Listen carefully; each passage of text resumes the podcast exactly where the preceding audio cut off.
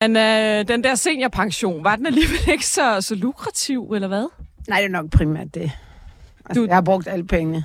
Du, du, du tog Så- lige til Paris, og så så, de brugte væk. hele den seniorpension. Ja. Alt. Nå. Noget Rolex, så uh, det går hurtigt brugt. Og så måtte jeg jo bare tilbage på arbejdsmarkedet. Det, I troede ellers, at nu var det Annas tur. Men øh, Det er Arne først.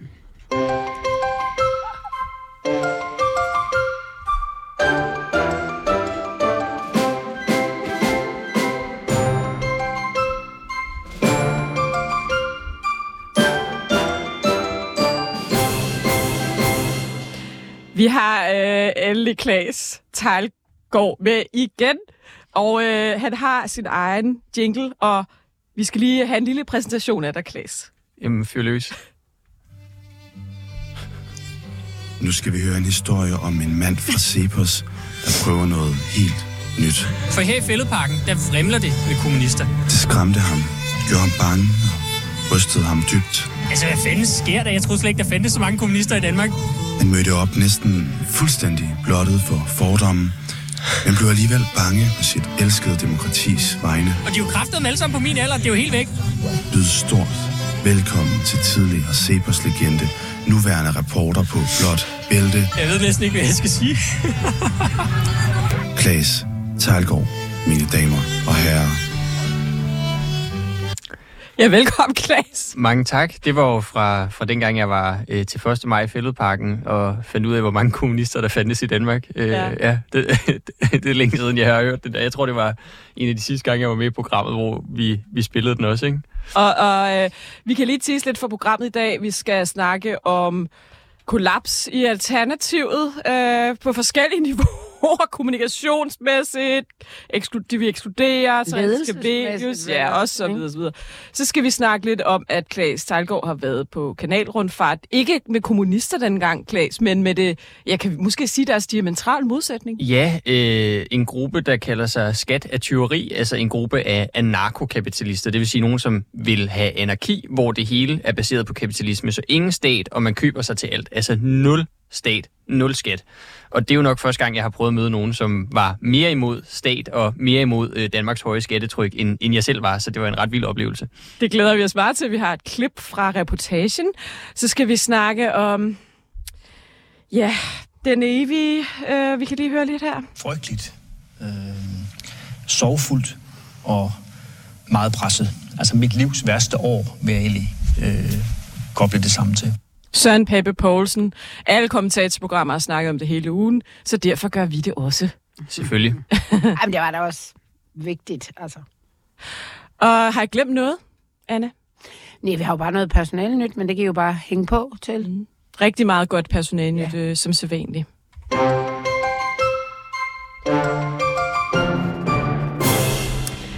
Oh, jeg, jeg er lige ved at sige, take it away, Anna, om alternativet. Jeg ved slet ikke, hvor vi skal starte. Ved et Facebook-opslag måske. Skal vi Ja, tage et det. somi-opslag? Skal vi tage det? Ja. Det er jo Danmarks historiens første kvindelige folketingsgruppe. Og så er alle de her seks medlemmer af Alternativet et billede. De har selv fejret det, og med kager og det hele på, på sociale medier. I har sikkert også haft det oppe i et blåt bælte, Klaas. Ja, øh, Ja. det har vi, og øh, ligesom mange andre har vi også øh, undret os over det. Altså, jeg har prøvet at ringe rundt til alle medlemmer af Alternativet. Jeg kunne få et telefonnummer på og ringet til dem mange gange, men det var ikke lige til at få et interview med nogen af dem. Jeg tror måske, at de var lidt skræmt over øh, blot bæltes borgerlige profil, øh, så de vidste godt, hvad vinklen ville være. Men det er jo så underligt, at de smider sådan et opslag op der, uden overhovedet at overveje, at folk selvfølgelig kommer til at lave koblingen til Thorsten Geils mm. øh, sygemelding, altså mm. den mand, der har båret det parti på sin altså, øh, nu nedslidte ryg i virkeligheden. ikke. Øh, og det, det, er jo- det er jo mærkeligt, at man ikke har tænkt det igennem, før man går ud med sådan en melding der og står og fejrer det med kage og kalder det en sejr for ligestilling, og jeg ved ikke hvad. Øh, det, jeg synes, det var enormt underligt øh, opslag. Skal vi høre et klip med, som hvad hedder det, reporterne, vores søsterprogram har lavet med Nicoline Erbs Hillers Bensen. Jamen, det er det, hun vil gerne er rapporterne. Hun gad ikke i blot billede. Hun blev indsuppleret for den sygemeldte, stresssygemeldte Thorsten Geil, der jo reddede Alternativet i sidste valgperiode som enmands her. Vi kan lige høre, hvad, hvad hendes forsvar var af, af det her opslag. Nu skal vi nemlig tale med dem, det handler om. Øh, I studiet har jeg fået øh, Nicoline Erbs øh, Hillers Bensen. Øhm, på en eller anden måde, så er det jo øh, dig, det her handler om. Øh, du er supplant for Thorsten Geil, og øh, du blev øh, godkendt øh, af Folketinget i fredags, og så gjorde det Alternativet til den første øh, gruppe i Folketinget, der kun består af kvinder. Er det en god ting, at jeres folketingsgruppe kun består af kvinder? Det er positivt, at vi er med til at bidrage til, at vi er mere kønsligeligt fordelt i Folketinget øh, som helhed. Og, og, og det er jo kun for en kort periode, så man kan også sige det på den måde, at, at sådan, Torsten skal nok komme tilbage. Så lige nu og her øh, er der en historisk markering, som vi gør opmærksom på, øh, og så er vi med til at bidrage til mere ligestilling i Folketinget. Det er mere ligestilling, når I kun er kvinder i jeres folketingsgruppe. Det er mere, ligestilling generelt i Folketinget, når vi øh, får endnu en kvinde ind, øh, som bidrager til, at vi bliver tættere på den kønslige ligestilling i hele Folketinget. Men, men nej, vi har nogle problemer med, at, at vi jo kun er kvinder, og det er ikke et repræsentativt udsnit. Mange problemer, ja. Jamen, altså jeg tror simpelthen, at folk har misforstået vores budskab, øh, og jeg, jeg mener egentlig også, at, at det du selv er ude at skrive øh, på de sociale medier har været med til at, at, at skubbe i den retning, at folk har misforstået det. Altså vi har jo aldrig haft et mål om at være 100% kvinder. Vi forsøger jo altid, når vi opstiller kandidater, når vi vælger spidskandidater, at have en øh, 50-50 fordeling øh, af, af, mellem, mellem øh, de to øh, klassiske binære køn. Og, og det har vi jo også gjort ved det her valg, og så har vælgerne jo valgt, at vi skal være primære kvinder i vores folketingsgruppe. De, folk har misforstået kommunikationen. De fejrer, at de er Danmarks historiens første kvindelige folketingsgruppe. Hvad er der at misforstå? Der, er- der er ingen noget. Altså for det første, nu tager lige hun kommunikationshatten på, ikke? det nemlig det, jeg faldt over. At, at det der, øhm, at man går ud og, og forsvarer sig ved at sige, at dem, man kommunikerer til, de har misforstået det. Eller nok ikke alle, selvfølgelig alle de alternative, de har da sikkert forstået den helt rigtigt, men alle mulige idioter, der tillader sig at stille spørgsmålstegn ved, de har, de har misforstået. Og det er jo en, en klassisk kommunikationsfejl, som man ikke skal begå. Og så går hun, så hele hendes forklaring er jo en stor retræte, altså fordi jeg går ikke ud fra, at de vil løse ligestillingsproblemet ved bare at sige, hvis der er så, som, altså, hvis så, så vi sådan generelt bare har ligestilling ved, at der er en masse grupper, der kun er mænd, og en masse grupper, der er kvinder, og så kan vi bare klasse det sammen, og så er vi jo ligestilling. Man kan også godt høre, at hun tår lidt rundt i det, og det undrer mig, at de ikke har tænkt sig mere om, for når man kigger på det her billede, altså det er jo ikke noget, der er lavet lige i SoMe, altså det er jo ikke lavet på to sekunder en eller anden mm, 22-årig praktikant. De har fandme tænkt sig om, men det har de jo ikke. Det er jo sådan en, hvad har vi at fejre? Og så synes de det lige, og så forstår de først senere. Det med, med Torsten slipper hun jo også lidt, Torsten Geil slipper hun jo lidt let om, altså, hvor hun så underminerer hele deres præmissen ved at sige, det var jo det er også kun kort tid, vi er. Det er så også bare sådan, okay, så skulle jeg da nok lige lade være med at fejre det. Det er helt gak. Og der er også det, hun siger, at vælgerne har valgt vores folketingsgruppe, hun skal være kvinder, men det har vælgerne jo ikke valgt. Altså, Nej. det var Thorsten Geil, der blev valgt ind, og så blev hun valgt som, øh, Ja. ja. som første suppleant. Hun har Ja. ja. ikke stået på listen lige er efter ham, ikke valgt. Øh, hun er slet ikke valgt jo. Altså, hun er ikke valgt ind af vælgerne. Det er hun ikke. Og de andre er jo så valgt ind. Øh, det er jo, som det er. Ja. Øh, men, men, men, men det der argument holder jo heller ikke. Det er jo ikke vælgerne, der har talt og sagt, vi vil have en masse kvinder i Folketinget. Og jeg synes, det er så sjovt, det som du også siger, Anna, at, at sådan, det går op for dem, at der har de, øh, de har øh, mislykkedes i deres kommunikation, de har gjort noget dumt her. Og så begynder hun at forskyde det og sige, at vores budskab var faktisk noget helt andet. Ja. Og hvis du læser opslaget, Det er lige så budskabet var, hvor er det fantastisk, vi har en folketingsgruppe kun med kvinder. Det er budskabet. det er budskabet. Det, det er fantastisk, det er historisk, det er Ja. ja. stort. Mm. Øh, vælgerne har talt-agtigt. Og, så, Det de så slet ikke. og, og, og da det så går op for dem, at den faldt ikke i god jord hos alle i hvert fald, øh, så begynder hun at sige, at det var slet ikke det, det handlede om, og det er også bare nogle borgerlige folk, der har misforstået det, eller sådan et eller andet. Ikke? Altså, det er jo... Ja, altså det, det, det, de, de, det er det, er, det er også at- svært for dem, fordi de kan jo ikke bare altså, lægge kortene på bordet og sige, at det var sgu lidt uh, Det er jo uigennemtænkt faktisk dybt kynisk. De ja. skal jo fremstå som sådan det humanistiske parti. Altså, jeg kan huske, Uffe Elbæk gik rundt med sådan en t-shirt, hvor der stod empati på. Ja, ja. Det her er jo Ja, ja. dybt kynisk. Vi har en Ja. syg mand, Ja. øhm, som har reddet partiet i Ja. øvrigt. Og så fejrer de, når han er blevet syg, fejrer de, at de kun er kvinder nu. Men der sker Det er jo jo så kynisk. Jeg synes, der sker noget i øh, politisk kommunikation, som er interessant. Det er jo, at når så højrefløjen eller medier, de, bliver, de ryger så i samme. Det er derfor, så bliver medierne lige pludselig også øh, borgerlige. Det ved jeg det om. De BT skulle jo have taget den her. Ja, de var allerede for sent ude, BT, med deres nye borgerlige. Kunne de da godt have knaldet mere ud med den her. Men der, der bliver det sådan, altså en offertankegang. Det er faktisk synd for os. Og det, øhm, det, det, det er altså en... en At vi er blevet misforstået. Ja, vi er Ja. misforstået. Og så, øh, og jeg synes også, der er sådan lidt, altså, vi fejrer det med kage. Det er sådan, nej, nu skal vi også lige øh, stikke... Det minder stik lidt om Inger Støjberg, da hun fejrede ja. Ja, ja, stramning nummer at se. 50. Nej, prøv at se, hvad vi fejrer med kage. Det er det rigtige. Altså, det, det, er en, det, det, det er sådan, man kan ikke lade være andet, så man, sådan, at man tænker, I kan ikke slå os ihjel, for det klarer vi selv. Eller også så er det sådan en fuldstændig arrogant måde at tænke på, at hele verdens, altså alle bør se tingene, som vi ser. Det er jo det, synes jeg, øh, når man bliver sådan for højre eller venstre, der sådan kammer over, når man bliver så frelst, at man ikke kan se, at andre... Men der hvor de så får, de, og de får jo noget modvind, men det er jo prim, der er rigtig mange borgerlige jo, og det tager de så kampen op, i stedet for, at lige meget om det er borgerlige eller ikke borgerlige, der, der er godt på dem, så skal de jo, så, så, når de borgerlige gør det, så bliver det sådan, så er vi faktisk lidt ret i det, vi gør, fordi når de bliver så tosset, så er det fordi, de ikke vil have ligestilling. Og så sker der jo det, som jeg, man lægger mærke til, og jeg gjorde i hvert fald, at øh, vi også synes er lidt dumt af ligestillingsministeren. Hun går på den, Marie Bjerre. Og, øh, og det er ikke sådan, altså, det, det er jo en, altså man kan i hvert fald sige, at hvis, øh, nu arbejder jeg jo meget med sådan, øh, ikke etnisk danske kvinder, der med vold og udst, altså det er ikke sådan noget, det er ikke der, Marie Bjerre, hun er i hvert fald har lagt til. Hun går på sådan en, en nem, et nemt politisk point ved at gå på og sige, at det ligestilling, er det den form for ligestilling, I vil have, øh, og øh, altså simpelthen trampe på ham her, Torsten Geil, og så selv øh, tage æren. Det er ved grød-agtigt. Sådan, det er ikke det, jeg forstår ved ligestilling, siger ligestillingsministeren. Og så, øh, og så går Torsten Geil. Det er vel nærmest det eneste tidspunkt, hvor han går ind og mm. skriver noget. Øh, for det første synes han det... Altså, han har bare ikke lyst til at være Marie Bjerres, hvad skal man sige, lille dængsedreng, der sidder derhjemme og er blevet Hvad, hvad skriver på. han øh, tilbage? Men han skriver, at for det første synes han, det er u... Øh, hvad hedder sådan noget? Altså, det er dårlig stil og øh, gå, bringe ham ind i det, fordi han ikke kan forsvare sig. Altså, alle andre har også bragt ham ind i det, men jeg tror, han går ind og vælger den her, fordi det er ligestillingsministeren. Det synes han. Og der synes jeg egentlig...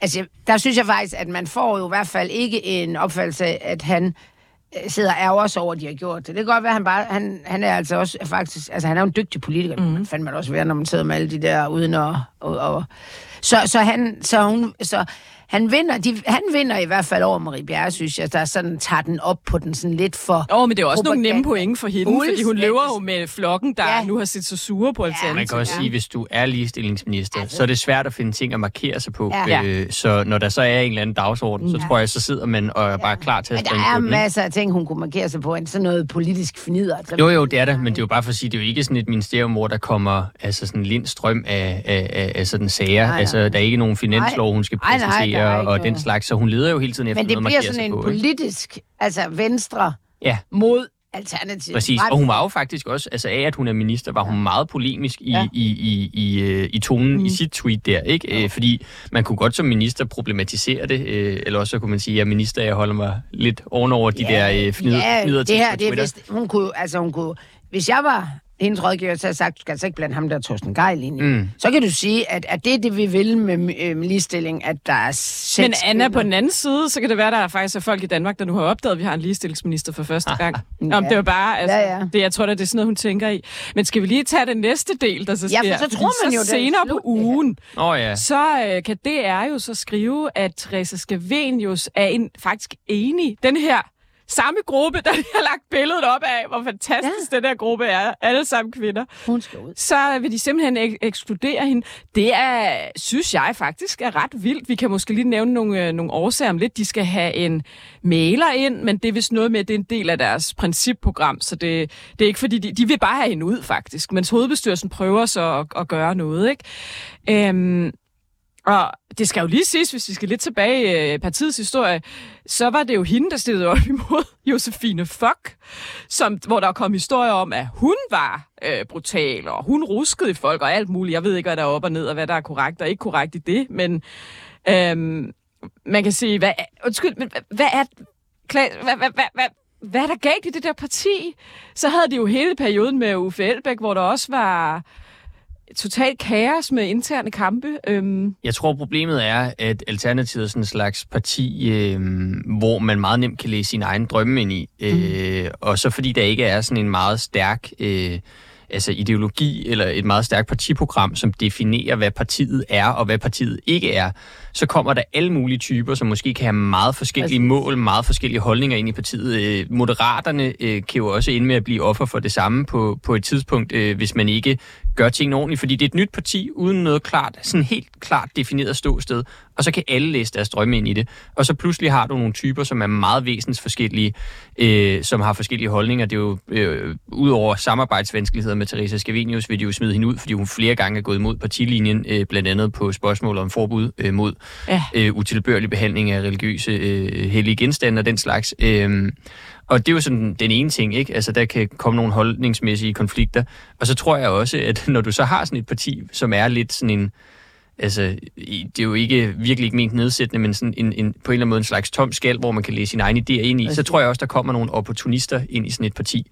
Mm. Øh, altså, øh, så kan du komme ind fra højre og øh, øh, øh, måske blive partiformand meget hurtigt, hvor hvis du har været i Socialdemokratiet, så skal du arbejde derop, ikke? Men synes I ikke, at det er sigende? Fordi noget, vi så ikke har fået nævnt endnu, det er jo, at hun selv i foråret er ude og skrive, jeg tror, det er et debattenlæg faktisk, eller er det også en artikel i politikken, at der er en mobkultur i Folketinget. Og jo, hun Jo. havde en Øhm, stor medieturné med det der. ja. Og hun er ude at være offer, og hun føler sig frosset ude i, jeg tror det er Miljøudvalget, eller også det Klimaudvalget, hvor hun sidder. Og så er der jo faktisk medlemmer af det udvalg ude at sige, at at hun har en konfrontatorisk stil, Mm. mm. og det er derfor, at de har nogle problemer i det udvalg, hvor jeg bare tænker, øh, altså måske skulle man også lige kigge lidt indad en gang imellem, når man... Øh, Ja, det er jo sådan... Måske har hun faktisk lige, måske har hun faktisk et problem med den måde, hun samarbejder på. I don't ja, altså, know. der er jo det med politikere, at de har ikke ligesom os andre en, sådan en rigtig chef, der er der. De Mm. har nogle vælgere, der har valgt dem. Og Deres det vil- formand vil også have hende ud. Hun har også skrevet... Ja, ja, men det er det, jeg mener. Altså, jeg tror bare, at jeg kan huske en gang, jeg talte med Pia Kærsgaard for mange år siden, da vi sådan talte om sådan noget landsbytosser, der blev valgt ind og alt muligt, og hun sagde jo, at det var det sværeste, fordi når de kom ind, især de der helt uprøvede, og meget sådan enten idealistiske, eller i hvert fald havde nogle sager, de, de, de kæmpede for, så, øh, så, de, så havde de jo kun, de havde fire år, hvis alt gik godt, og det var vælgerne der, og, og det, det, de gad simpelthen ikke at høre efter, hvad... Altså, de har ikke tænkt på, at når du kommer derind, så er der også almindelig ledelse og sygedage, og du skal melde tilbage, om du kommer og sådan noget. Det, det har de ikke sådan tænkt på. Og så togede de jo bare rundt, og så blev folk bare pisse uvenner. Øh, og det tror jeg er egentlig lidt ligegyldigt. Altså, hvis du kommer ind i sådan de der gamle partier, der er der mere sådan en hakkeorden og en sådan gør vi, og en eller anden, ligesom en organisation, der er mere fast og lidt mere rigid. Og der tror jeg bare, at, at når du så tager Alternativet, som også er sådan lidt altså hippie at vi skal jo bare sidde, altså ikke bare, men vi sidder lidt i rundkreds og beslutter ting og sådan noget. Hvis det så er nogen, der opfører sig virkelig... Ja, så er det, at Franziska Rosenkilde ikke øh, slår igennem og Nej, ja. hæver, hæ- hævder, at nu skal det være øh, Ja, fordi det gør man, og jeg tror... Men altså, udadtil virker det ikke sådan kommunikationsmæssigt ret vildt, at man først lægger det billede op, og så Jo, tre dage altså- efter kommer historien om, at den her ja, fantastiske en gruppe, som er, første kvindelige gruppe Ja. ja. historien faktisk er ved at smide en af de her kvinder ud af gruppen. ja, ja, Altså, altså, og, øh, Joachim B. Olsen gjorde sig også lystig over det på Twitter og skrev, øh, det er næppe en tilfældighed, eller sådan et eller andet den stil, underforstået, kvinder kan ikke samarbejde. Nå, ikke? ja, Øh, der det, bliver det, den, den joke er der mange, der har lavet. Ja. Øh, men der er jo også, altså, der er jo også en eller anden, i hvert fald en strategisk uenighed mellem Rosenkilde og Scavenius. Ikke? Ja. Altså, Scavenius er jo meget mere sådan konfrontatorisk og vil ja. gerne virkelig være i opposition, hvor Rosenkilde vil jo gerne gøre alternativet til sådan lidt mere, altså tema-alternativet lidt, så det kan blive sådan nogen, der kan sidde og være med i flere aftaler, øh, også med, med regeringen, vi har nu og sådan noget. Ikke? Så, så, så på den måde kan man sige, altså hvis Scavenius ikke vil indordne sig under Rosenkildes øh, linje, så uanset hvad, vil det jo være en stakket frist, ikke? Øhm, Jo, jo. Men det er jo så underligt forløb med Scavenius, ikke? Altså bryder ud af Alternativet og stifter momentum, lægger mm. det ind under Alternativet, øh, kommer ind i Alternativet, kommer måske ud igen, ikke? Altså det... Plus så var der hele Sindssygt. historien om, at hun havde fløjet adskillige gange, selvom hun er klimaforsker og ja. ordfører. Ja. Og så var hun jo ude og sige sådan noget med, ja, men det, det er fordi, det er ikke så meget individet, det handler om. Det er mere noget med nogle strukturelle ting, som vi politikere skal gøre, så folk flyver mindre. Har jeg bare sådan lidt... Det synes jeg simpelthen er noget hyggeleri. Hvis du, altså, så bliver du simpelthen nødt til... Og i øvrigt, det, det er Danmark, hvor svært det kan være at tage et tog. Hvis du er sådan klima Jamen, jeg ved ikke, er det bare mig, der går i for små sko der, eller... Jamen, altså, jeg vil sige, hvis, hvis du i hvert fald peger fingre af andre og siger, Ja. ja. I skal flyve mindre, og man Ja. ja. så selv flyver øh, påfaldende ja, meget, så har man et problem. Men jeg synes godt, man... Altså, der er jo også nogen, som er efter, lad os sige, øh, folk som Pelle Dragsted, fordi at han... Øh, Ja, han har en bo ejerbolig. Han har- I sit kollektiv ja. godt nok. Ja, nå, altså Men- forstå mig ret, forstå mig ret. Ej, det der, også lidt der, for- der er også folk, som kan Ja. ja. være efter, øh, for eksempel, øh, jeg har foreslået at afskaffe SU'en, så kan folk være efter mig og sige, øh, "Men hvorfor får du så selv SU? Jamen det er jo Ja. fordi, det er sådan, systemet er. Ja. Hvis jeg frasagde mig SU, nu får jeg den så ikke, fordi at, øh, jeg tjener penge her på kanalen blandt andet, men, men øh, altså, hvis jeg frasagde mig den, var jeg stadig tvunget til at betale Ja. for den. Så Men- nogle gange men må man jo indrette sig efter det ja, ja. system, Systemet er jo ikke sådan, at du skal flyve. Nej, nej, men det er det, jeg siger, men altså, så, der er nogle gange nogle ting omkring det der, men jeg synes, hvis du er sådan moralprædiken og siger, ja. du skal leve på en særlig måde, og man så ikke lever på, på den måde selv, så Nej, synes jeg, der er noget hyggeleri i det. Altså for Ja, eksempel, også- da Lars Lykke var med til at stramme rygeloven. Jeg ved ikke, hvor mange Ja, gange. men- Nej, det, det synes jeg egentlig fordi også er jeg okay. synes, det hun men, gør, som ja. ja. jeg synes, det er, at når, alle, når flere andre flyver, for eksempel på dumme charterrejser, så er det et strukturelt problem. Det er det jo ikke for dem, der ikke kan komme på charterrejser. Det er jo ikke et strukturelt problem, det er jo et problem for dem. Men når hun rejser, så er det øh, for det første i den gode sags tjeneste, og man skal hurtigt frem og optimere. Altså, det, det er jo sådan, hvor man tænker, hold nu kæft. Altså, det er jo bare... Og det er jo det, jeg synes, der er sådan med politikere. Åh, når det bliver dem selv tit, så, bliver, så, så, skal, så er det sådan en sang fra de varme lande. Mm. Men jeg synes, det er helt vildt, at, at, de, at, øh, at, at Alternativet ligesom har det her lille bitte vindue, inden Torsten Geil kommer tilbage, inden hende der Skavenius bliver smidt ud, der fyrer vi den lige af med noget kage og noget kæmpe yes. Det er jo, det er jo helt vildt, fordi det, det, det, det, er som om de tænker kun på, at der vil jo sidde nogle medlemmer og sige, ej, det er mega fedt og sådan noget. Og resten vil bare sige, altså, nogle gange så kan jeg ikke lade være med at tænke på, at der, der er en ting, der er værre end at blive, næsten at blive udskammet i Danmark. Det, bliver, det er, at man laver grin med dem. Altså, ja. Ja. det, det bliver så, så har folk bare ikke nogen tillid til nogen, når man bare kan sige, Og man må "Hvad fanden?" sige, i forhold til det med, med gode grin, der er alternativet jo Ja. gaven, der bliver ved med at give. Ja. ikke? ja.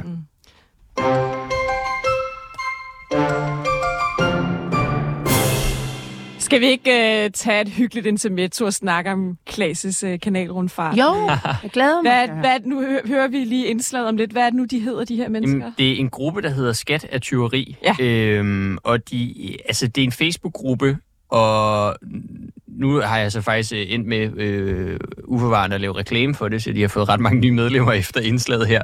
Øh, men de er sådan omkring 1000 medlemmer i den der Facebook-gruppe, så laver de en årlig ting, og det er at tage på kanalrundfart. Det er det, de gør. Altså, det er deres ting. De tager på kanalrundfart og på Rio Bravo det skal da nok ændre samfundet. Øh, jamen, det var også det, jeg spurgte dem til. Du ved, hvordan omstyrter man lige velfærdsstaten ved at tage på kanalrundfart? Men det var også det. Jeg tror, det var mere sådan, nogle af de her typer er jo meget alene med deres holdninger. Det giver sig selv. Der er ikke særlig mange, der er på deres øh, vogn i Danmark. Så de samles den der en gang om året. Og så tænkte jeg bare, det skulle da mærkeligt egentlig, at de laver det der hvert år, men der er ikke nogen, der har været ude at tale med dem. De er jo vildt interessante at tale med, i, i, især i et land som Danmark. Ikke? Så du, du har været ude at tale med kommunisterne, der vil have 100% i skat, og så har du været ude at tale med skatteteori, der vil have 0% i skat. Ja. Interessant. Lad os Ja. høre. I Danmark holder de fleste af både den store stat og det høje skattetryk. Men jeg har fundet en lille gruppe, der mener, at skat er tyveri, og at staten skal afskaffes. Vi skal på kanalrundfart, og for første gang i mit liv skal jeg prøve at være den mindst liberale mand i lokalet. Hvordan omstyrter man staten ved at lave en kanalrundfart? Nu vil jeg ikke tale dårligt om nogen af dem, men, men øh, der er en tendens til, at øh, nogle af dem, der kommer her i år, dem ser vi kun en enkelt gang om året. Ja. Vi får dem, vi får dem ud af, af de hjemlige marker og ud og røre noget, om ikke græs, så i hvert fald ånde noget, øh, noget havluft. Ikke? Er det alle, der mener, at at skat er tyveri, der er samlet her i dag? Altså, jeg har da et par hundrede af dem på min venneliste på Facebook, Wow. jeg tror kun, vi har solgt 88 billetter i dag. Så, øh, så det er jo et, et lille udsnit. Um, Og øh, nogle er jo selvfølgelig øh, forhindret af forskellige årsager. Lars Andersen kunne ikke komme, han er i fængsel øh, eksempelvis. Hvorfor Øh, er skat tyveri? En frihedsaktivist, Nå. øh, som sidder fængslet Nå, for har forskellige former for Øh, aktivisme. Tidligere politibetjent. Ja. Noget fra nogen uden deres samtykke. følgere? Det kan jo ikke være. Han er meget stor faktisk, ja. Hvis du nu skulle komme med sådan en besked til den klassiske velfærdsdansker, der måske stemmer på Socialdemokratiet, Ja. hvad vil du så sige? Hvorfor skal du stjæle fra mig? Hvorfor kan du ikke lade mig være i fred? Det er beskeden, vi giver videre til Socialdemokraterne. Skam dig. Skam dig. Folk er begyndt at gå derned af. De har deres skattetyveri t-shirts på, og så står den ellers på ja, antistatslig sightseeing i København. Skat, det er prisen, vi betaler for at mislykkes med at skabe et civiliseret samfund. Altså hvis nu jeg øh, troede dig til at give mig nogle af dine penge, og så, og så jeg så gik hen og brugte dem på, på noget godt. Øh, noget jeg synes er godt, noget du måske også synes er godt. Så er det jo stadigvæk forkert, at jeg har troet dig dem. Altså det kunne have været, at jeg, at jeg bruger dem til... Jeg forestiller mig Jeppe Brugs med sådan en kæmpe hammer, der står... Sanne! jeg. Men Betal din hvis skat! jeg skal tro dig først, for at du skal give mig dem, så, så er det jo forkert. Men det er jo en pointe. Altså, små vi betaler alle sammen er kun skat, fordi at der er en implicit trussel om, at hvis vi ikke gør det, så bliver vi straffet. Altså, det, er jo, det er jo den lim, der får tingene til at hænge sammen. Det, det grundlæggende er jo sådan set, at det svarer jo lidt til, at, at, at man var kraftlæge, og så, så sagde jeg sådan, at jeg fjerner kun øh, 98% af af kraften, jeg lader lige lidt tilbage, være tilbage. Der er børn, der står og råber skat og tyveri herom, baby, men det tror jeg aldrig, jeg har prøvet før. Børn er jo selvfølgelig meget formelige og sådan noget, og jeg synes jo, de skal have lov til at danne deres egne meninger, men øh, det er nok ikke værre at høre på mig end på tv-avisen. Hvad er skat? Hvad er skat? Tak for det. Jeg fik lov, lov at lave kampråb. Nå, det er Øh, dejligt. Nå, øh, jeg ved ikke, hvad jeg skal sige. Jeg er helt blown away. Øh, fortæl lidt om det her, Klaas. Jamen, øh, det var, altså, der var totalt god stemning, øh, meget høj stemning på, på den der båd der, og øh, de sejler simpelthen bare rundt, og så råber de skat og tyveri efter alle, de ser op øh, på kajen, og så nogle gange råber de det på tysk, hvis der er tyske turister, og så tror jeg måske, at tyskerne tænker, lad mig skynde mig hjem til rolige Hamburg eller et eller andet, ikke? Men, ja. ja, ja, ja, og så sætter de klistermærker på de broer, de sejler under, og så øh, ham, øh, han hedder Robin, ham som er øh, turguide på turen, han har nemlig arbejdet som sådan en guide på de der kanalrundfarter før, så han giver ligesom sådan en guided tur, men så i stedet for at sige, her ligger Christiansborg, Danmarks parlament, så siger han, her ligger Christiansborg, Danmarks største pissoir. Så peger han på Nationalbanken og siger, det er noget underligt noget, hvorfor skal staten have en bank? Og så peger han på skuespilhuset og siger, det er finansieret for stjålne midler, og buh, og så sidder alle og råber buagt, ikke? Øh, så på den måde var det meget interessant, og det mest, øh, altså det mest mærkelige ved, ved, ved, ved turen var, at det var så blandet en forsamling. Altså der var øh, almindelige folk, folk der arbejder i IT-branchen, folk der havde helt standard jobs, så var der øh, erhvervsfolk, altså sådan investorer, der virkede til at være rimelig loaded, øh, og så var der nogle konspirationstosser, de var så ikke lige med det udsnit, du havde her, men der var nogen, som kommer løbende med højtalere og hører techno, da vi er ved at samle os og skal ned på båden, og kommer løbende med Ukraine-flag og siger, nazi-flag! Og så en af dem, han insisterede på at blive interviewet, og så tænkte jeg, så prøver vi. Og så spurgte jeg ham også bare, hvorfor han havde det der Ukraine-flag med, og så var han sådan, det var fordi, at øh, krigen i Ukraine var performance art. øh, og der var mange nazister, og øh, det var jo et naziflag og alt muligt, ikke? Øh, og sådan, altså, hvor jeg også bare tænkte, så stak Var det ham, der hejlede? Ja, det var ham, der hejlede, ja, ja fordi Ja. Så, så, så forklarede han sådan, om han gik rundt med skat- og tyveri-t-shirten på, det var provokerende i sig selv, han havde Ukraine-flag, så tror jeg, folk tænkte, at det var en mærkelig støder, ikke? Og så, og så har han så åbenbart gået rundt på vej hen til kanalrundfarten, og, og simpelthen, ja, lavet øh, hejlet og, og lavet overskæg med fingeren, øh, Ja, sådan noget, som der måske var nogle af de uopdragende børn i folkeskoleklassen, der kunne finde på at gøre i, i de små klasser. Øhm, og det har han så gjort, fordi at jeg, han, han havde simpelthen købt ind på Putins narrativ om, at Ukraine var den Hvad er det, der land. sker i de her miljøer, hvor det he- hele smelter sammen? Jeg har, jeg har virkelig lagt mærke til. Ja. det her med, at der er mange, som er ude på en eller anden radikal eller ekstremistisk fløj, som også er begyndt at... Altså, det er også typisk folk, der er imod vacciner, og så er det folk, der støtter Putin Altså, jeg synes... i Ukraine-konflikten. Øh, jeg har Hvorfor meget falder er der det. det her sammenfald? Og der er, egentlig, der er faktisk en Øh, god forklaring på ja, det. Altså, ja. Hvis du er så meget i opposition til alt, hvad der er konsensus om, alt, hvad der er mainstream, øh, som man er, hvis man for eksempel vil afskaffe staten, eller hvis man har oplevet under corona, at alle var enige, og du er fuldstændig uenig. Så nogle gange slår det klik, så bliver du Rasmus modsat. Så du, Ja. hver gang der er enighed om noget, så er du bare på den anden fløj, bare for at være Ja, det. og så- og jeg tror, det er det, der er sket Det med de her typer. også. Ja. Og det er er- derfor, du ser kommunister, der er på samme fløj. Ja. Det er fordi, de er også i Ja, opposition. støtter også Putin. Jamen, de er i opposition Mange til alt, ja. og så slår det klik, og så er de også i opposition til NATO eller til krigen i Ja, og Ukraine. så får de jo koblet alle de her hændelser mm. til at være Ja. ja. faktisk en del af det stamme deep state. Altså vi, vi er, altså vi er, vi er de eneste, der har set det, og jo mere de får opposition, eller folk, der siger, I er ikke rigtig kloge, jo mere kan de sige til hinanden, vi er dem, der har set det. Prøv at se, de der, de er jo manipuleret med. Men, men det gør jo, at vi nu har øh, folk, der tidligere var kommunister, som lige pludselig er i samme båd som Trump og Ja, øh, det er jo netop skattetyveri, fordi- altså som egentlig har diametralt modsatrettet livssyn. Der er sådan et politologisk begreb, der hedder hesteskoteorien. Ja. Øh, Ja, altså, at, at du kan have de venstre, øh, dem på den yderste venstrefløj, dem på den yderste højrefløj. Det gælder også for alle mulige andre øh, sådan yderpoler politisk. Og så kan de faktisk ende med at mødes Ja. øh, på ret mange områder. For Ja, men hvis du ser på Marx, så er han jo også anarkist i i yderste... Det, okay, nu bliver det virkelig nørdet, ikke? Mm. Yderste, yderste, yderste instans er Marx faktisk ikke for øh, en stat. Han er faktisk for, at alle skal nærmest bestemme øh, lige, og at øh, staten er, i- altså, skal ophæves. Hvad er det nu, det hedder? Ikke nirvana, det hedder. Han kalder det noget andet. Og det mener man jo også, med er ultraliberalist eller ultraanarkist. ja, ja, fordi så Altså- ophæver man jo egentlig Ja. de her for dem meget rigide... øh, Men det der jo så Nå. bliver... Det bliver, meget jo, nørdet. det bliver jo også meget barnligt at høre på. Altså fordi deres sammenligning, skat, det er det der med, at du hvis du truer mig til at give mig nogle penge. Altså det, hele trusselsbilledet er jo også sådan et gak, altså at, at vi, skat det er noget, vi truet til at betale. Det kan man selvfølgelig godt, altså vi kan jo ikke lade være, og så bliver du, ender Jeg du tror i alt demokratisk vedtaget vores skattesystem. Og Ja. det er, jo der, bare lige om det, det. det er jo der, hvor forskellen ligger, ikke? Altså, der er jo- legitimitet bag det, ikke? Ja. Øhm, jeg synes, de er sjove at tale med, fordi de tager jo et argument og fører det hele vejen ud. Og Ja. det er altid interessant, det der med sådan nogle meget principfaste øh, folk. Øhm, og så synes jeg, det, det var sjovt, det der, altså, fordi jeg går personligt ind for sådan lidt en, en, en, en udvidet minimal stat, ikke? Øh, og så...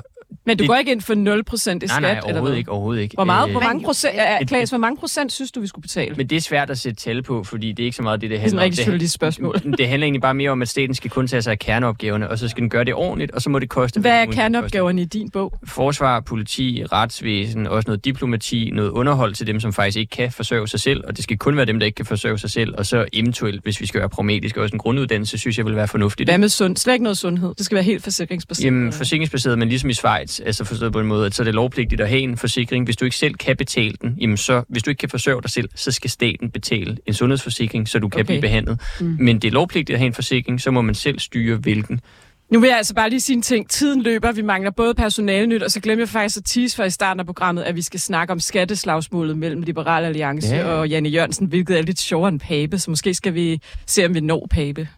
Ja, er det, hvad tænker du, Anna? Ja, altså, jeg, øh, ja, det synes jeg fi- fint. Vi tager og jeg tror heller ikke, at Pape-snakken er slut med i dag. Nej. Nej, og der er jo landsråd om et par uger, skal måske Ja. tage den Vi der. kan i hvert fald sige, at det var et, et, et vildt interview. Ja. Lad os tage øh, lidt personalnyt. Vi tager lige et ugens citat først. Øh, jeg er død irriteret på min egen statsminister. Det er voldsomt ærgerligt, og jeg synes, hun skal tænke sig godt om. Det er ikke socialdemokratisk politik. Det siger Per Kelsen, socialdemokratisk medlem af Region Nordjylland til DR, fordi hun har været ude at sige, at der ikke mangler penge. Og det synes de, man gør i kommunerne. Det var bare lige ugens citat, så øh, lad os tage en omgang øh, personale nyt. Medlemmerne synes, at jeg skal være den, der skal overtage stafetten fra Pernille. Jeg tror tilbage. Det er, for at være ærlig, lidt øh, mærkeligt. Og, og så kom den her mulighed i Bryggeriforeningen, og det vil jeg bare enormt gerne. Det er bare, det er bare et drømjob at arbejde i den bryggeriforening. Klaas, du har et punkt til personalnyt, øh, apropos Lars Bøje. Øh, ja, fordi at øh, Henriette Erkemann, øh, som jo blev valgt som næstformand sammen med Lars Bøje i, øh, i Nye Borgerlige, øh, hun blev så smidt ud også. Øh, det holdt jo ikke særlig længe. Det var mere kaotisk end det, der foregår i Alternativet lige nu, øh, selvom man skulle tro, det, det næsten ikke kunne, kunne lade sig gøre. Øhm, og hun har jo så lavet sådan et eller andet noget, der hedder Frit Borgerligt Fællesskab, en eller anden Facebook-gruppe, der også har mødtes lidt, og øh, folk har spekuleret i, om hun ville starte et parti, eventuelt sammen med Lars Bøje, men nu har hun så startet sit eget parti, uden Lars Bøje, der hedder Frit Fællesskab. Der mangler jo også virkelig borgerlige partier i Øhm. Ja, øjeblikket. ja, ikke? og det sjove er jo nemlig, altså Frit Fællesskab har simpelthen som tagline Danmarks borgerlige parti. Altså okay. det, det, Intet mindre. I modsætning til alle de t- 25 andre. Ja, og man kan jo, det, det, det er jo der underligt, det er også uopfindsomt, ikke? Altså Danmarks borgerlige parti, og så kan man sige, det som hun repræsenterer er jo sådan nogle altså, øh, Ja, coronaskeptikere. hvad mener hun? Øh, Hvad, hvad vil hun med Jamen, det altså, øh, hun er jo mest kendt for at, sige alle mulige mærkelige ting om coronavacciner, ikke? Øhm, men, men hun udtalte til DR i går, da hun annoncerede partiet her, at det politiske landskab er så mudret nu, og der er en masse vælgere, der plasker rundt i en pøl og føler sig politisk hjælpenløse. Dem vil vi gerne være med til at samle op. Og hvad der ellers lige bliver missionen, og hvordan de vil samle dem op og sådan noget, det er ikke til at vide så meget om. Altså, jeg tror godt, man kan tænke, at det viderefører Henriette Erkemanns holdninger, så det er sådan noget meget, øh, altså sådan ny borgerligs politik krydder med noget gak og konspirationsteori, ikke? Altså, jeg tror, det er sådan det, som det her frit Jeg ved, jeg spår dem ikke mange chancer ved til folk. Det er i hvert fald klimaskeptikere. Ja, altså- coronaskeptikere, Ja. ja. statsskeptikere, Ja, øh, jeg tror, det øh, er- krig i Ukraine-skeptikere. Måske kan de tage med på kanalrundfart med skat og tyveri. Ja, ja, altså hun, hun, hun tror på alle de der teorier om World Economic Forum, der er ved at overtage magten over hele verden og sådan noget. Altså, du ved, det, det, det, det, mm. jeg vil sige så meget, hvis de begynder at få vælgererklæringer, så bliver det fandme underholdende, hvis man skal til at have dem med i debatter og sådan noget. Altså, det, Nå, vi skal lidt videre i det er personalenyt. Ja. Øh, Asger Juhl Gate, ja.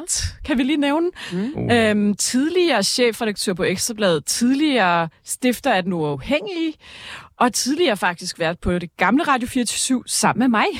jo nok. Vi var morgenværter på Radio 4. Øh, Radio 4 slutter. 24 morgen hed det. Meget kort, vil jeg lige sige. Så jeg har været kollega med ham, men altså han, øhm, han er blevet ansat i Dansk Folkeparti. Øh, ah, vil du ikke forklare det, Anna?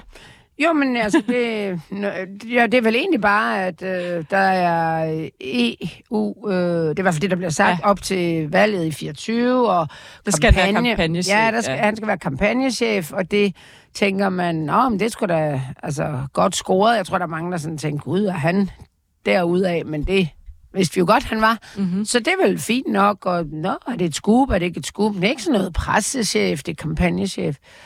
Og så hører man vel egentlig ikke så meget mere til det, og så kommer bomben, eller bomben. Så laver Ekstrabladet, som han lige har arbejdet ja. på, historien om, at han er ansat for EU-midler ja. i Europaparlamentet, ja. hvor han i øvrigt helst skal bo, altså i Bruxelles, hvilket han vist ikke gør. Øh, og at man ikke må lave nationale valgkampagner, hvis du mm. er ansat for EU-midler, fordi der skal du jo arbejde nede i EU-systemet. Du må godt sidde og rådgive øh, parlamentarikerne om, og dernede og, og det var der jo et Men du parti i og- og Danmark, det er der bare- har en dejlig historie Ja. i forhold til... Altså, jeg skulle lige der til at sige, nu blev Messerschmidt jo frikendt Ja, ja, i Melterfeld-sagen, men vi glemmer bare nogle gange, at partiet tilbagebetalte, ja. jeg tror det var over en million, mm. som de faktisk indrømmede. Og Ja, det var ja. før øh, retssagen og så videre, at Ja. de havde brugt øh, på blandt andet en skonnertsejlads i Danmark og Ja, andre ting. Du må ikke bruge de her midler til danske ting. Nej. Og nu gør de det spark filme ja. en gang til. Altså, har de er ikke også- lært af historien? Og, og, og hvad er, altså, ja, der går netop ikke ret lang tid før Ekstrabladet, altså, den er jo, det har været ret nemt at finde ud af, kan man se ud Ja. af den artikel. Det er jo ikke sådan... Nej, og det der jo også er vildt, det er jo, at han har jo slået sig op på, Asger Juhl, om nogen at være imod ja. Ja. spindoktorer og Ja. politikere, der ikke stiller op. Og hvad gør han ikke selv? Han svarer ikke. Han stiller ikke op Der er til ingen, der har interview. svaret noget overhovedet. Og det gør Arnes Vistisen heller ikke, som har ansat ham. Ah! Jo, er simpelthen så tykt, Klaas. Ja, jamen, det er det. Øh, De har lige været ude og forklare, at det er noget med, at så bliver han ansat som assistent på deltid, eller Ja. rådgiver på deltid, frem til valget, hvor Og han så bliver kampagnechef. Men det er vist lige kommet et dag, ikke? Ja. Øh, men det er jo også sådan, altså hvad kan man sige, det er jo nok en forklaring, der er strikket til lejligheden, øh, i hvert fald, ikke? Øh, strikket sammen til lejligheden på en eller anden måde. Og det er jo virkelig bare en nederen situation. Altså, fordi jeg tror da helt sikkert, at Asger Juhl kunne være en fantastisk Ja. kampagnechef. Det tror jeg også. Det Jeg er tror, jo han er bare- super dygtig til det der. men, men, men, men, men det er jo også synd for ham, hvis, ja. altså sådan, hvis, hvis DF har, har, har fucket så meget op her, ikke? Øh, Fordi, Du tænker ikke, han selv har et ansvar for jo, det men, måde? men, Jo, men for det lyder jo ikke sådan, som om, at det kunne han ikke selv have gennemskuet. nej, men det, det er også det. Altså, så kan det godt være, at han selv Det selvfølgelig være, at han ikke lige har sat sig ind i reglerne og bare sagt ja til jobbet. Det kan selvfølgelig godt Ja, Ja, og ikke har vidst, hvor Ja. ja. pengene kommer Det kan, fra. det kan Men jo det, godt være. Altså lad os nu sige, da jeg blev ansat her på 24-7, øh, havde jeg da heller ikke øh, tænkt, at jeg behøvede at tjekke om 24-7, når de ansatte mig til et program, der er borgerligt, der hedder Blåt Bælte, om de så overholder deres kontrakt nej, nej, service-mæssigt. Øh, så jeg kan jo godt Nej, forstå, nej. at man som Asger Juhl måske ikke har gjort det. Øh, Men han burde måske stille op til interview. Ja, Altså, når han selv, han har jo været bannerfører for, at politikere ikke vil svare på Ja, spørgsmål, og magthavere, og at der er for mange spindoktorer, og, og han har lavet en radiokanal, der hedder Den Uafhængige, som skulle være uafhængig af mediestøtte, fordi de skulle kunne bide politikerne i hasen. Mm. mm, Ja, Jamen, det, det er den fortid kan man jo ikke bare øh, parkere ude i garderoben, når man stempler ind i øh, DF. Men jeg synes, det er sådan, altså, vi havde jo, man havde jo set frem til, altså da øh, Messerschmidt vandt sagen, at nu, og han virkede som om, han begyndte at fået faktisk lidt styr på det parti. Det begyndte at ske noget. ja, ja. Og nu sker der ikke en skid. De får ikke, og den her, det er jo en lille sag, men det er bare sådan, det er jo en lille sag i et parti, hvor der ikke er nogen gode sager heller. ja. Ikke? Nå, vi skal altså videre. Jeg nævner lige to ting til, som I ikke kan nå at komme til på. Vi bliver nødt til at snakke vandopslag og, Ja. og Venstre. Det, det er noget, du har glædet dig til, Klaas. Bare lige hurtigt. Så hævnen er sød. Nu har Hestorp lavet budget for lige Københavns ja. Kommune. Uden enhedslisten. Sparkede dem ud. Som i øvrigt er, er det må du elske, Klaas, øh, det største parti i København. Ja. Ja. Øhm, nej, du må ikke sige noget. Oh, ja. ja, fordi øh, sidste år, sidste år, sidste år, der lavede, det var, det var fuldstændig vanvittigt, der lavede jo øh, enhedslisten øh, budgetforlig øh, udenom Socialdemokratiet, der har overborgmesterposten. Og øh, i år er enhedslisten så blevet smidt på porten. Jeg tænker lidt, hævden er sød. Det er med en børnehave. Ja. Undskyld, jeg siger det. Få, lav nu bare et budget og få det der lort til at fungere. Så der er endnu en, der har meldt sig ud af konservativ. Øh, hvad det, hun hedder? Det kan jeg faktisk ikke huske. En kvinde. Tidligere rådmand på Frederiksberg. Ja. Nu skal vi altså, øh, vi skal altså lidt videre i teksten. Jeg synes, I skal til at vågne lidt op. Altså, kom, kom, kom, kom on. Vågn lidt op, vågn lidt op. Come on, come on. Vågn lidt op. Fordi der er et skatteslagsmål mellem Venstre og Alex Vanopslag for Liberal Alliance. Lad os først lige høre Janne Jørgensen her, der står og råber op til træ. Alex! Alex Vandopslag, kom nu ned fra det træ, dit fjollehoved. Vi skal lette skatten. Jeg har en bog til dig. Nå, han har åbenbart kravlet så højt op, han ikke kan høre, hvad jeg siger. Jeg havde ellers den her bog til ham med alle de mange topskattelettelser, som Liberal Alliance har fået gennemført. Og som man kan se, så er den gabende tom. Der er faktisk ikke kommet en eneste. Men hvis nu Alex klatrede ned fra træet, så kunne han sammen med op og øh, ja, det bliver lidt langt, hvis vi skal høre det hele. Lad os lige høre, vi skal altså lige høre uh, Alex Vanopslags uh, svar på, det er en anden video, han har lagt op, for det er ret sjovt. Hallo? Ja, det er heroppe. Hallo, din klovn. Jeg er her.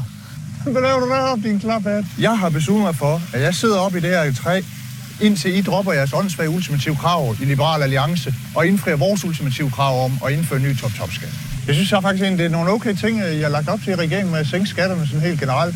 Jeg kan bare ikke forstå, hvorfor er det, man skal komme med en eller anden åndssvag millionærskat, en ny top-top-skat. Det er da top-top dumt. Altså, det, det ved vi da godt. Der er, der, ikke, der er ikke noget klogt eller gavn i den skat. Den skader dansk erhvervsliv og mulighederne for at rekruttere. Det ved jeg da godt. Ja, præcis. Det er jo ikke, fordi vi mangler penge. Det er jo også kun peanuts, den indbringer den her skat. Det er jo ikke det, det handler om. Jeg elsker, at man kører sådan en græs eller sådan en vandemaskine i baggrunden. Men altså, er det bare mig, eller tager han endnu en gang på ikke vandopslag i det her skatteri, om øh, vi kan lige gå ind i detaljerne om skattehalløjet om lidt, men er det ikke endnu en gang ham, der tager stikket hjem?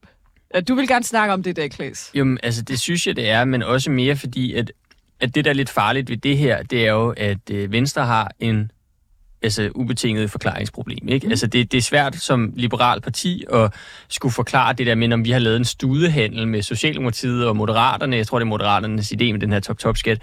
Øh, så vi skaffer nogle topskattelettelser til nogen, og så Ret indfører vi... mange, faktisk. Jeg vil jeg gerne have lov til at påpege. Det er jo slet ikke det. Det er jo slet ikke det. Men det er jo stadig svært at forklare, at man har lavet den der studehandel, der hedder, for at det skal glide ned, så skal vi så øh, på nogle rigsvin lægge en øh, kæmpe høj skat på dem. Og den er jo svær at forklare i sig selv. Men det, som jo så gør det svære, det er, at Janne E. Jørgensen prøver at øh, agere ligesom Alex Vandopslag. Ja. Altså det, som vi hørte der det, med, med klippet med Vandopslag, det er jo sådan en klassisk Alex-Alex-video, som Ja, jo er blevet sådan helt, er jo blevet sådan helt format i sig selv. Ja. Ja.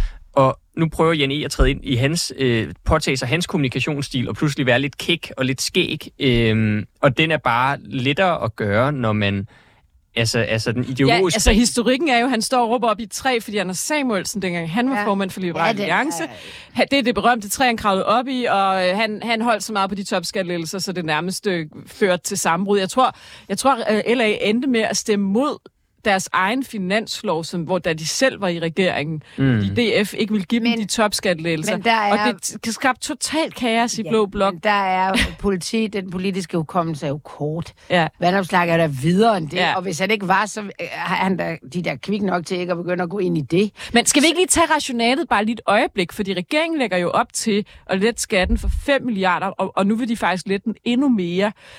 Øhm, og og det, det, det, det har de så fået til at glide ned på Socialdemokratiet blandt andet ved at sige den der top-top-skat.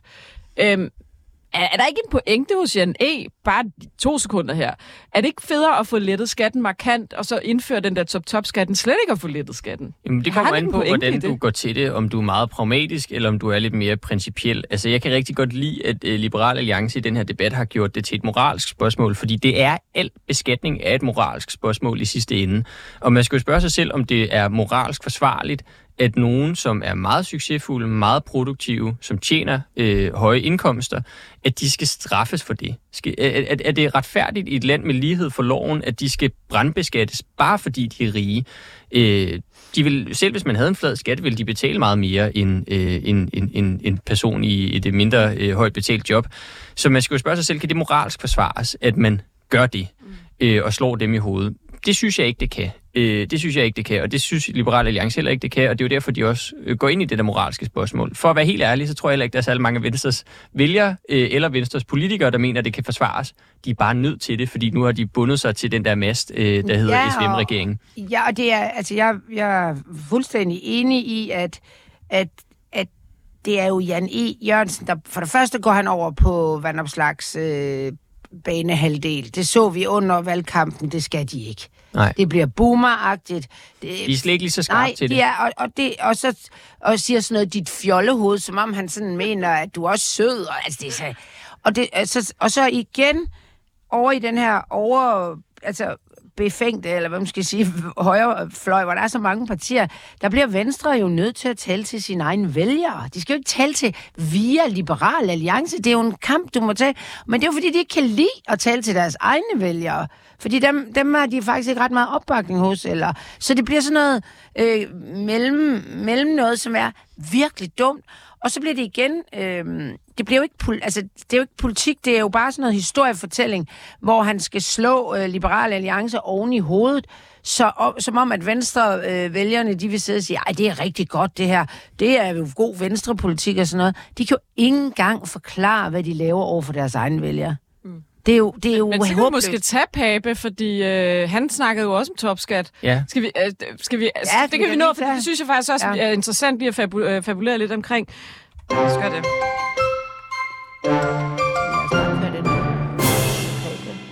frygteligt, øh, sorgfuldt og meget presset. Altså, Ja, han har haft et forfærdeligt år, og det kan vi måske, behøver vi måske ikke at snakke så meget om. Men der, hvor han jo virkelig, synes jeg, råder sig ud i noget totalt fluffigt noget, jeg tror har gjort hans sag værre, det er da, at de begynder med Kåre Kvist at tale om topskat. Fordi så indrømmer han, nu har jeg ikke lige det klip, så indrømmer han, at det var for at lukke en flanke, at de mm. går ud og foreslår at afskaffe topskatten op til valget. Og det var, så siger han så i, i mandags, øh, nej, i søndags med Kåre Kvist der i DR, at det var for at lukke en flanke til Liberal Alliance, og det i virkeligheden bare var taktik. Det, der virkelig undrer mig, det udsagn, det er jo, at konservative går jo ind for at afskaffe Ja, topskatten. ja, altså hvad er det for Så det, det er, altså for de konservative vælgere, de må bare sidde og tænke, hvad mener du egentlig? Vil du afskaffe den, eller vil du ikke afskaffe den? Ja, Fordi og- de går jo ind for... Altså, Og de, hvad de mener de konservative om det her? Det, det, det lyder det for... ikke- Luk- det, så er det jo bare endnu en gang taktik nu, at han så skal ud og siger det her. Altså, er det ikke et... Jeg synes ikke, det er et kæmpe selv. Jo, det er da, det er da, det er da kerneværdi, mm. han leger, eller han kalder taktik nu.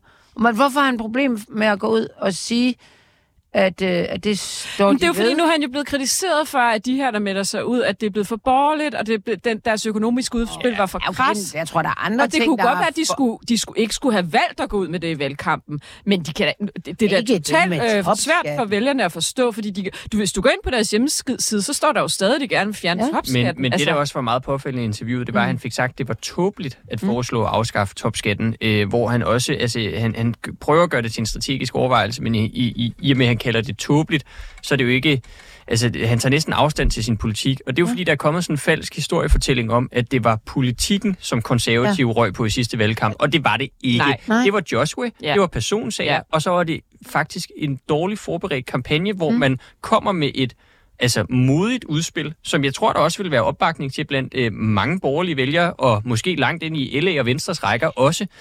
Øh, men man havde ikke forberedt sig på de helt forventelige modangreb, der Især ville fra komme fra Socialdemokratiet. Ja, hvor. Mette Frederiksen jo stiller sig op i Ja. en valgdebat Yes. og lyver, Ja. Ja. og lyver.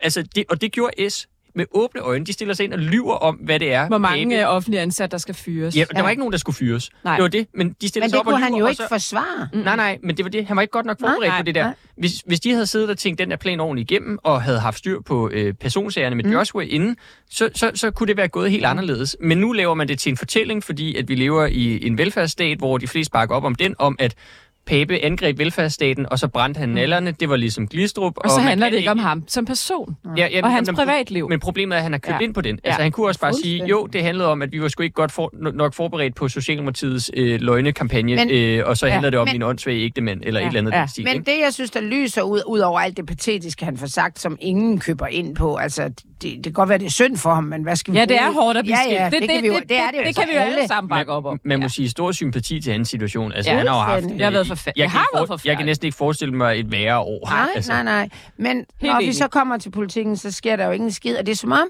at de kan ikke rigtig finde ud af, om de er skal kæmpe øh, for at hive øh, altså for vælgere ud fra væk fra Liberal Alliance. Det er ligesom sådan deres største... Det kan jeg ikke... Eller, eller om det er, øh, hvad skal man sige, regeringen og, de, og især S, han vil, vil kæmpe imod. Det er, det er som om, det har de simpelthen ikke øh, taget stilling til. Og det er jo et af Danmarks ældste partier. Mm. Det er så vildt, at deres politik...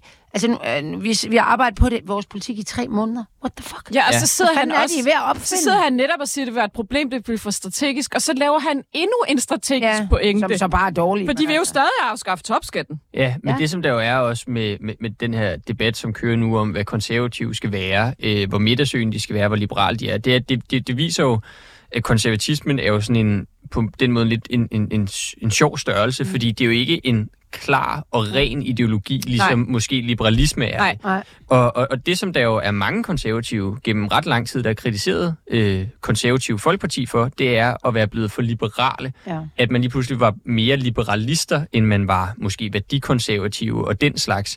Og det er jo fordi, at, at jeg tror, øh, konservative som parti er i sådan en eller anden identitetskrise, mm-hmm. fordi konservatismen som ideologi er en svær størrelse. Det er faktisk bliver- ikke en ideologi. Mm, ja, Ja, altså lidt. det, det, det Der tror er jeg, der, den der med kroppen og hænderne og Ej, hovedet. Og... jeg tror, der vil være Men- mange, som vil blive øh, forarvet, når du siger, at det ikke er en ideologi. Men det er jo bare for at sige, det er jo, det er jo en balancegang at være konservativ. Og det, der er sket, det er, at konservative øh, er tippet meget over til den liberale og liberalistiske side. Det har jeg jo været glad for, i hvert fald på det Men økonomiske nu er de jo område. gået til over, mere over imod den værdi Mm. eller Men- nationalkonservativ. men- men nu prøver Men de at lave så en hælder de jo også bare vælge over til moderate. Men det er jo det, Ja, det, er jo det jeg siger, og- de er identitetskrise. altså. De ved ikke, om de skal Det konkurrere ret. med LA. Jamen, det har du og, helt ret. Eller S og, eller skal, vi, skal, vi, skal fædrelandet lukke sig mere om sig selv, eller skal det have det her internationale Ja. ja. udsyn, som Pesti Møller og andre står for, osv. osv., osv. Mm. Ja. Og der tror jeg, at det bedste konservative kunne gøre, det var bare at vælge en retning, og så stå ved den, uanset ja. hvad. Fordi øh, det famler her... rundt. Det er det bedste for alle, men Ja. alle i hele I verden. Det er at stå ved det, man... I Det, det kunne rundt. faktisk være, at de skulle læse noget Søren Kierkegaard lærer enten eller om, øh, om, om, om det svære ved at tage valg og stå ved dem, ikke? Men prøv at høre, hvordan øh, liberal, altså, i hvert fald vandopslag og Liberal Alliance er, er lykkes med bare sådan helt åbent at sige, jamen vi støtter ekstremt meget af det, som der ligger i hele Venstres høj, øh, altså hele højskole Venstre. Ja, det er vi enige i, uden at det har betydet sådan noget. Altså, folk har ikke brokket sig helt vildt, og Venstre har jo, har jo heller ikke åbenbart tænkt over det andet end lidt internt og siger, at det er et problem for os. Det er simpelthen, de her partier, de sejler rundt, alle dem, der ikke ved, hvad de mener, og Problemet, men er problemet ikke også, at de har forskellige fløje? Altså, hvor jeg tror, hvis du er socialdemokrat, er det er mere rent. Du går ind for en rimelig høj ja, ja. skat, du går ind for en stor velfærdsstat, du går også ind for en stærk fagbevægelse osv. Jo, Ja, og kan- the end of the day... Men hvis du er borgerlig, Ja. ja. du, kan, du kan være nationalkonservativ, du kunne være ultraliberal. Det er faktisk to meget forskellige ideologier, der er og de her er fløje- i samme Der er partier. jo fløje i alle partier. Det er Åh, oh, men det. kan du ikke se, hvad jeg mener? Mm, nej, fordi der er også højreorienterede socialdemokrater, der er udlændinge øh, skeptiske Men by the end of the day, så banker de ud. Mm, Det, som det handler ja. Ja. om, det er, at der skal være en stærk leder, Ja. ja. som kan sætte en retning og få alle fløjene samlet ja. om Ja. den. Og det er der ikke i konservativ lige nu, og derfor ligger de i sådan en underlig identitetskrise, hvor der også er folk, der melder sig ud, og hvor at Pape laver retræter hele tiden. Ikke? Øhm, og det er, jo ikke, det er jo ikke særlig klædeligt. Nej, og noget de også, altså de jo også sted. jeg er jo sådan vokset op på landet, hvor det var Venstre, eller, og så var der arbejderne, der var socialdemokrater, og så var der forretningslivet. Mm. De var konservative. Dem er de jo heller ikke fat i mere. Dem har de sgu også mistet. Altså sådan, fordi det er jo også noget med... Altså, det kan godt være, Brian Mikkelsen som gammel konservativ, han kører et eller andet videre over i Dansk Erhverv. Men de konservative, de, de aner ikke rigtigt, hvor de står. Og for eksempel har hele erhvervslivet jo ligesom bakket op om, om øh, det her lovforslag øh, til, imod øh, koranopbrænding. Der har konservative også toget sådan lidt rundt. Hvor er de henne? Jeg siger ikke, de skal være på erhvervslivet, men så skal de bare være bevidste om, hvad de mister i hvert fald. Vi øh, skal til at slutte. Simpelthen. Har, I, øh, har, I, en- har vi en konklusion på, på alt det her? Nej, så vil jeg bare sige Prøv at høre, tak det er årsagen til Klaas Tejlgaard, fordi du er med i dag. Det var en Anna, fornøjelse som sige? Jeg vil bare sige, det er årsagen til, at vi sender igen næste fredag. Der er ikke nogen konklusioner på det her. Nej, der øh, sender vi op til de konservatives landsråd. Ja. Jeg hedder Sand Fanø, Anna Thysen var her også, tilbage fra seniorpension. Tak for det. Hej.